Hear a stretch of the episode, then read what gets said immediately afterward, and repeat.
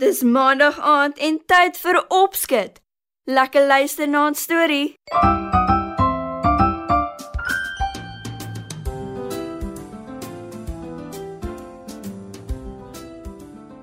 Goeienaand maats. Wanneer 'n mens iets begin, is dit belangrik om dit klaar te maak. Nie waar nie? Dit is 'n les wat Alicia moes leer in vanaand se storie. 'n Avontuur in 'n tekening.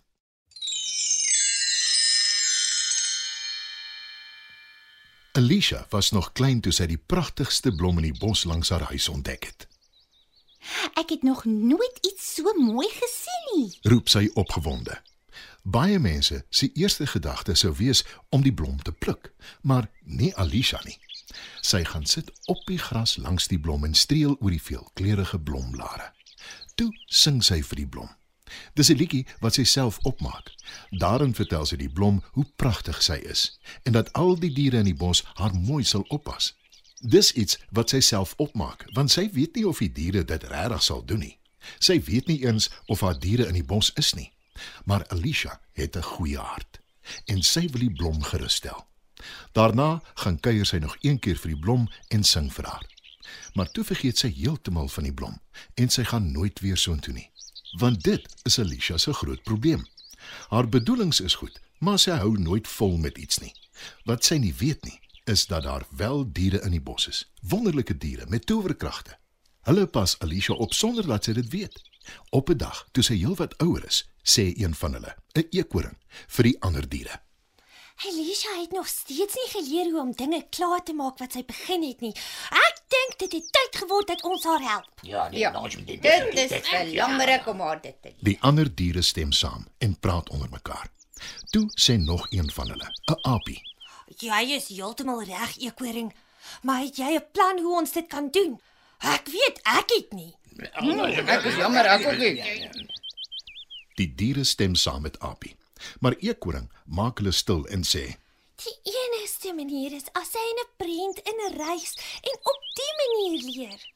Die ander diere kyk verbaas na eekhoring en aapie vra: Wat op aarde bedoel jy, Ekoring? Hoe is so iets eers moontlik? En is dit nie gevaarlik nie? "Wil vakvark weet." Ek gee toe dit kan gevaarlik wees, maar dis al hoe sy ooit sal leer. Dis veral belangrik omdat sy nou ouer is.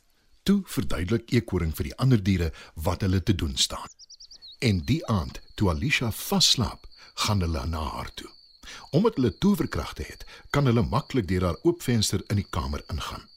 Die diere blaas een na die ander op Alicia se vingers terwyl sy slaap. Die volgende oggend, toe Alicia wakker word, sien sy tot haar verbasing 'n vel papier en 'n klomp kleurpotlode op haar lessenaar. Waar sou dit vandaan kom? Wonder sy. Maar sy dink nie te lank daaroor nie. Sy vat die potlode en begin teken. Ek gaan my huis teken en natuurlik myself en vir Nelly. Sê sy. Nelly is Alicia se hond. Die twee is baie lief vir mekaar. Maar soos gewoonlik maak sy die prent nie heeltemal klaar nie. Na 'n ruk, nadat sy haar huis en haar hond en haarself geteken het, sê sy: Ek is nou moeg. Ek sal die prent later klaarmaak. Toe laat val Alicia die kleurpotlood waarmee sy besig was op die vel papier. Sy gaap en rek haar uit. Maar toe, skielik, gebeur daar iets vreemd.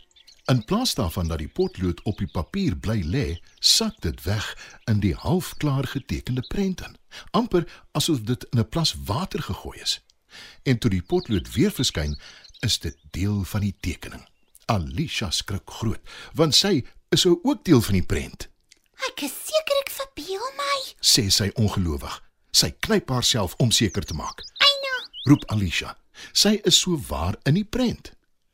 Alicia begin loop, dalk kan ek van die papier afloop. sê sy hoopvol. Maar sy sukkel om een voet voor die ander te sit, Wat gaan aan? Hoekom kan ek nie loop nie? sê sy en sy val om. Toe hoor sy Nelly haar hond blaf. Sy kyk om haar rond en sien Nelly het 5 bene, Jy het lekker hard geval, né, Alicia? sê Nelly. Alicia kom agter, haar hond sukkel ook om te loop. Jy sien seker, jy het my met 5 bene geteken in plaas van 4, né? sê Nelly vies en voeg by: En jy het net een voet. Dis hoekom jy sukkel om te loop. Alicia wil eers stry, maar toe kyk sy en sy sien dis waar. Wat maak ek nou?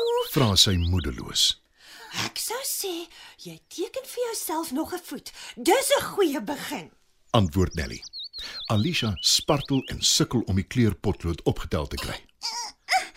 Met baie moeite begin sy teken. Sy het intussen agtergekom, sy het ook net een elmboog, net 'n paar vingers, beslis nie 10 nie. En sy het ook nie 'n neus nie. Sy teken so goed as wat sy kan, maar dit lyk beslis nie so sy nie. Toe kyk Alicia rond en sê benoud: Waar is pappa en mamma? Jy het hulle nie geteken nie, onthou? sê Nelly. Maar ons is nou almal in die prent. Hulle kan tog nie net weg wees nie. sê Alicia. Hulle staan buite die huis. Antwoord Nelly. Dan gaan ek hulle nou dadelik haal. sê Alicia. Maar sy kom met 'n skok agter. Sy het nie 'n deur in haar huis geteken nie. Sy het ook nie die mure klaar ingekleur nie. Hulle is vol oopkolle en vreemde monsters probeer nou in haar huis inkom deur die gate. Een van hulle kry dit reg. Hy gaan staan voor Alicia. Onthou jy my? Vra die monster. Alicia skud haar kop en duins terug, Nee, ek ken jou glad nie. sê sy. Dan het jy nie 'n baie goeie geheue nie. Onthou jy nie die dag toe jy in 'n slegte bui was en kwaad was vir jou mamma nie? Dis toe jy my geteken het. Bly weg van my af. Jy was nooit bedoel om lewendig te word nie. roep Alicia. Nog monsters kom nou in die huis in. Alicia dink vinnig. Toe klim sy deur een van die gate in haar mure met Nelly agterna. Maak gou. Ons help. Sê Nelly. Wie's Paula? Ek ken haar glad nie. Roep Alicia. Hier is ek. Onthou jy my nie? Ek sit altyd buite jou venster in die bome en sing. Antwoord Paula. En Alicia sien sy is 'n klein voeltjie. Ag, baie dankie, ek waardeer dit.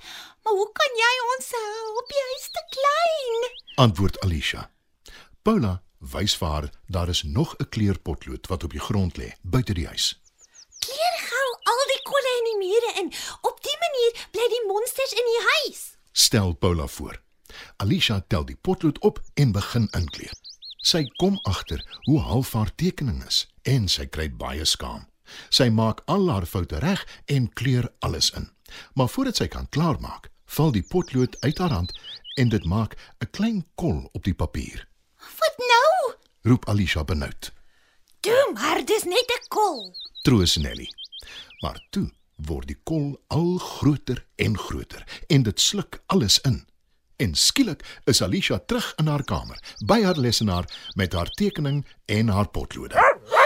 Die monsters is weg en ons is terug waar ons moet wees. sê sy verlig vir Nelly. Maar toe hoor sy 'n stem fluister. Jy het al die monsters weggekleer. Moenie weer halwe werk doen as jy nie wil hê ons moet terugkom nie. Alicia kyk versigtig rond. Toe glimlag sy, want sy weet dit sal nie weer gebeur nie. Dit was nog 'n opskets storie. Ek hoop julle het lekker geluister, maats. Tot volgende keer.